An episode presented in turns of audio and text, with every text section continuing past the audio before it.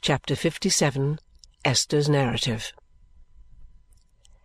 I had gone to bed and fallen asleep when my guardian knocked at the door of my room and begged me to get up directly. On my hurrying to speak to him and learn what had happened, he told me, after a word or two of preparation, that there had been a discovery at Sir Leicester Dedlock's, that my mother had fled, that a person was now at our door who was empowered to convey to her the fullest assurances of affectionate protection and forgiveness if he could possibly find her, and that I was sought for to accompany him in the hope that my entreaties might prevail upon her if his failed.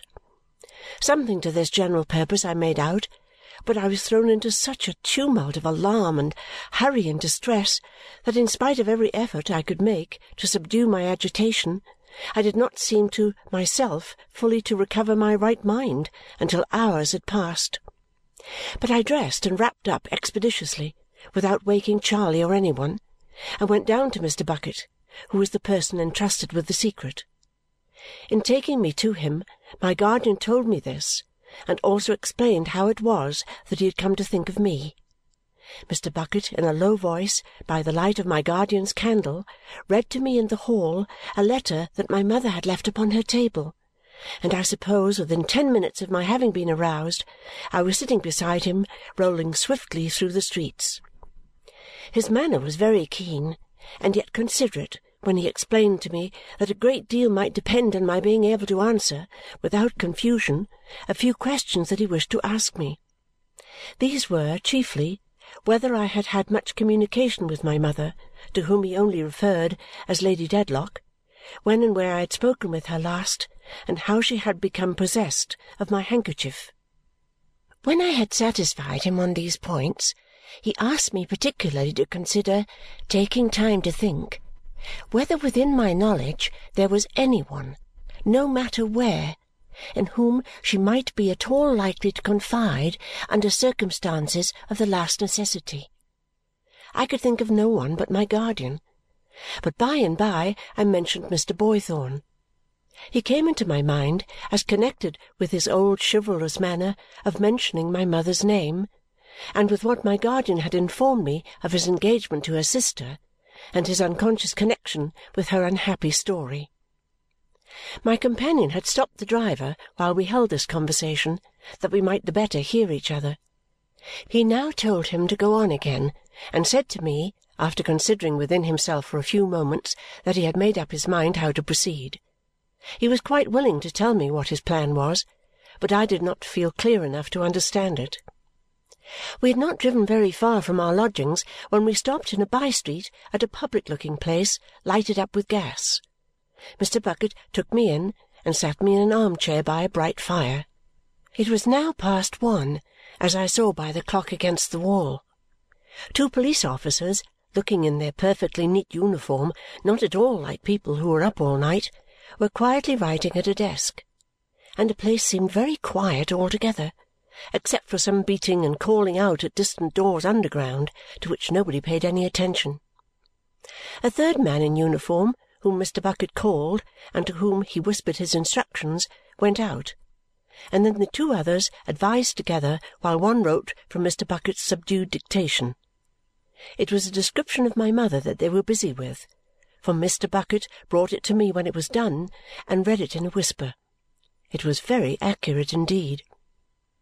The second officer, who had attended to it closely, then copied it out and called in another man in uniform there were several in an outer room who took it up and went away with it.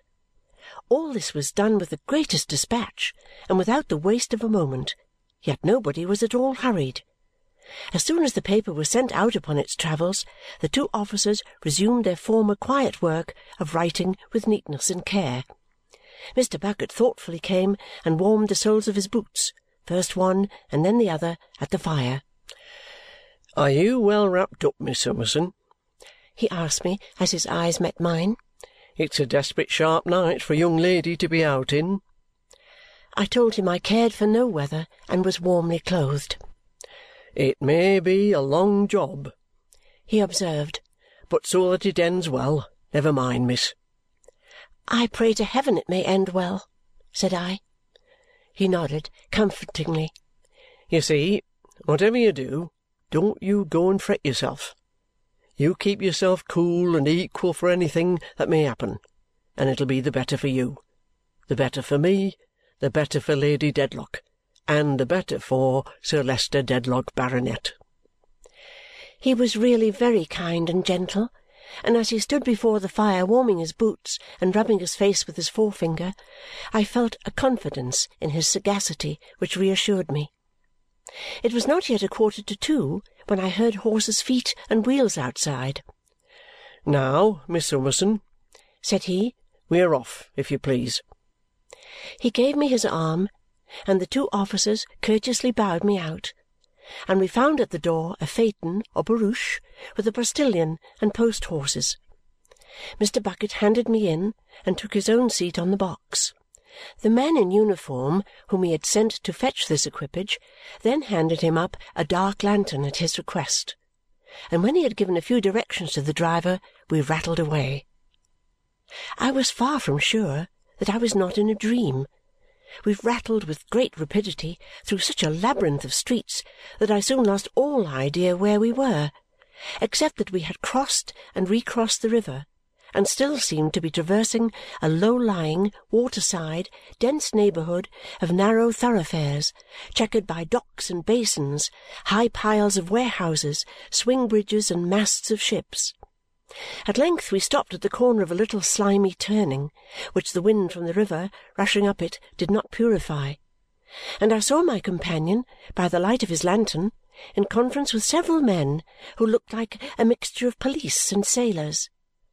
Against the mouldering wall by which they stood there was a bill on which I could discern the words "Found drowned," and this, and an inscription about drags possessed me with the awful suspicion shadowed forth in our visit to that place.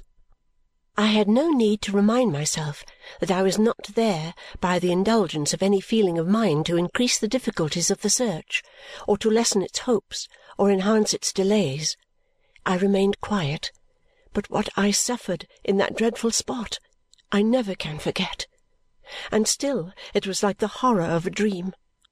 A man, yet dark and muddy, in long swollen sodden boots and a hat like them, was called out of a boat and whispered with Mr. Bucket, who went away with him down some slippery steps as if to look at something secret that he had to show. They came back, wiping their hands upon their coats after turning over something wet. But thank God it was not what I feared. After some further conference, Mr. Bucket, whom everybody seemed to know and defer to, went in with the others at a door and left me in the carriage, while the driver walked up and down by his horses to warm himself. The tide was coming in, as I judged from the sound it made, and I could hear it break at the end of the alley with a little rush towards me. It never did so, and I thought it did so, hundreds of times, in what can have been at the most a quarter of an hour and probably was less, but the thought shuddered through me that it would cast my mother at the horse's feet. Mr. Bucket came out again, exhorting the others to be vigilant, darkened his lantern, and once more took his seat. "Don't you be alarmed, Miss Summerson, on account of our coming down here," he said, turning to me. "I only want to have everything in train and to know that it is in train by looking after it myself. Get on, my lad!" We appeared to retrace the way we had come. Not that I had taken note of any particular objects in my perturbed state of mind, but judging from the general character of the streets. We called at another office or station for a minute and crossed the river again. During the whole of this time, and during the whole search, my companion, wrapped up on the box, never relaxed in his vigilance a single moment but when we crossed the bridge he seemed, if possible, to be more on the alert than before. He stood up to look over the parapet. He alighted and went back after a shadowy female figure that flitted past us, and he gazed into the profound black pit of water with a face that made my heart die within me. The river had a fearful look, so overcast and secret creeping away so fast between the low flat lines of shore, so heavy with indistinct and awful shapes both of substance and shadow, so death-like and mysterious. I have seen it many times since then, by sunlight and by moonlight, but never free from the impressions of that journey. In my memory, the lights upon the bridge are always burning dim. The cutting wind is eddying round the homeless woman whom we pass. The monotonous wheels are whirling on, and the light of the carriage lamps, reflected back, looks palely in upon me, a face rising out of the dreaded water. Clattering and clattering through the empty streets, we came at length from the pavement on to dark smooth roads and began to leave the houses behind us. After a while I recognized the familiar way to St. Albans. At Barnet fresh horses were ready for us, and we changed and went on. It was very cold indeed, and the open country was white with snow, though none was falling then. "An old acquaintance of yours, this road, Miss Summerson?" said Mr. Bucket cheerfully. "Yes," I returned. "Have you gathered any intelligence?" "None that can be quite depended on as yet," he answered, "but it's early times as yet." He had gone into every late or early public house where there was a light. They were not a few at that time, the road being then much frequented by drovers and had got down to talk to the turnpike keepers. I had heard him ordering drink and chinking money and making himself agreeable and merry everywhere, but whenever he took his seat upon the box again, his face resumed its watchful steady look, and he always said to the driver, in the same business tone, "Get on, my lad!" With all these stoppages, it was between five and six o'clock, and we were yet a few miles short of St. Albans when he came out of one of these houses and handed me in a cup of tea. "Drink it, Miss Summerson. It'll do you good. You're beginning to get more yourself now, ain't you?" I thanked him and said I hoped so. "You was what you may call stunned at first," he returned, "and Lord, no wonder! Don't speak loud, my dear. It's all right. She's on ahead. I don't know what joyful exclamation I made or was going to make, but he put up his finger, and I stopped myself. "Passed through here on foot this evening about eight or nine. I heard of her first at the Archway toll over at Highgate, but couldn't make quite sure. Traced her all along, on and off. Picked her up at one place and dropped her at another, but she's before us now, safe. Take hold of this cup and saucer, ostler. Now, if you wasn't brought up to the butter trade, look out and see if you can catch half a crown in your t'other hand. One, two, three, and there you are. Now, my lad, try a gallop." We were soon in St. Albans and alighted a little before day, when I was just beginning to arrange and comprehend the occurrences of the night and really to believe that they were not a dream.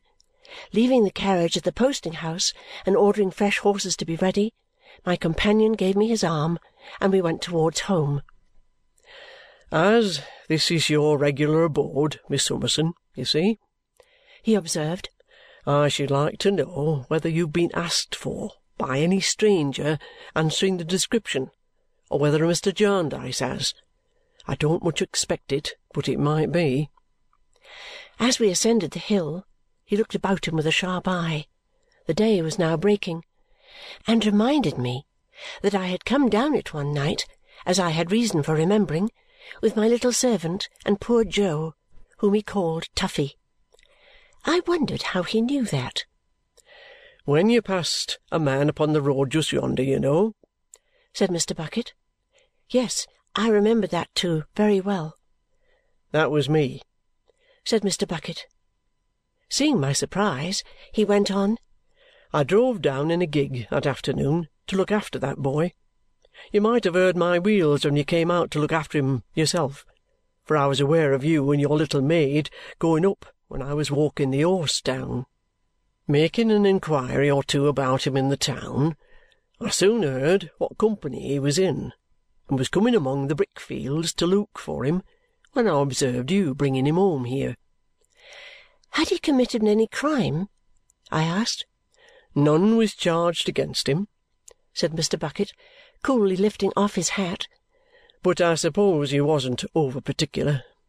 No, what I wanted him for was in connexion with keeping this very matter of Lady Dedlock quiet. He had been making his tongue more free than welcome as to a small accidental service he had been paid for by the deceased Mr. Tulkinghorn, and it wouldn't do, at any sort of price, to have him playing those games. So, having warned him out of London, I made an afternoon of it to warn him to keep out of it now he was away and to go farther from it and maintain a bright look-out that I didn't catch him coming back again. Poor creature! said I. Poor enough, assented Mr. Bucket. And trouble enough. And well enough away from London or anywhere else. I was regularly turned on my back when I found him taken up by your establishment, I do assure you. I asked him why. Why, my dear? said Mr. Bucket. Naturally, there was no end to his tongue then. He might as well have been born with a yard and a half of it, and a remnant over.